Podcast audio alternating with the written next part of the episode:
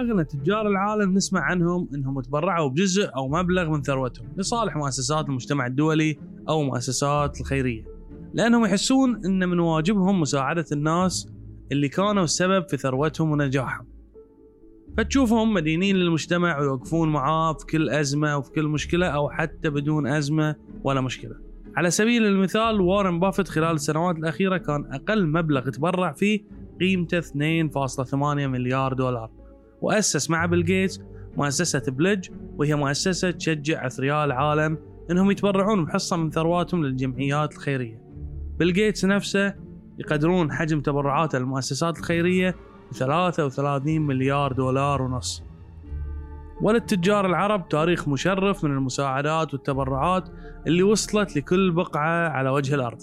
ولكن كل هالأشياء ما منعت بعض التجار إنهم يبطلون جشع واستغلال ويتعلمون إن سبب نجاحهم هم الناس اللي للأسف في كل أزمة أو فرصة يقومون ينخرون بجيوبهم.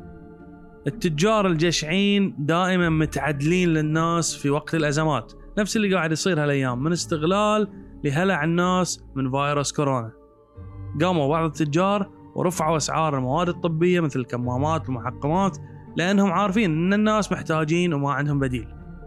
وللأسف إن هالشيء مو جديد عند البعض لأنهم نفسهم اللي يتلاعبون بالأسعار مع كل حدث وأزمة ورمضان قريب وراح نسمع نفس مشاكل زيادة الأسعار السنوية. فيا عزيزي المستهلك يمكن اليوم أنت مضطر تتعامل مع كذي نماذج من التجار بس وقت اللي تتعدى الأمور قاطعوهم ومنا لحماية المستهلك الحين وقتكم والله يعطيكم الصحة والعافية وأنتم ما تتوصون على أحد. ومرة أخيرة للمستهلكين.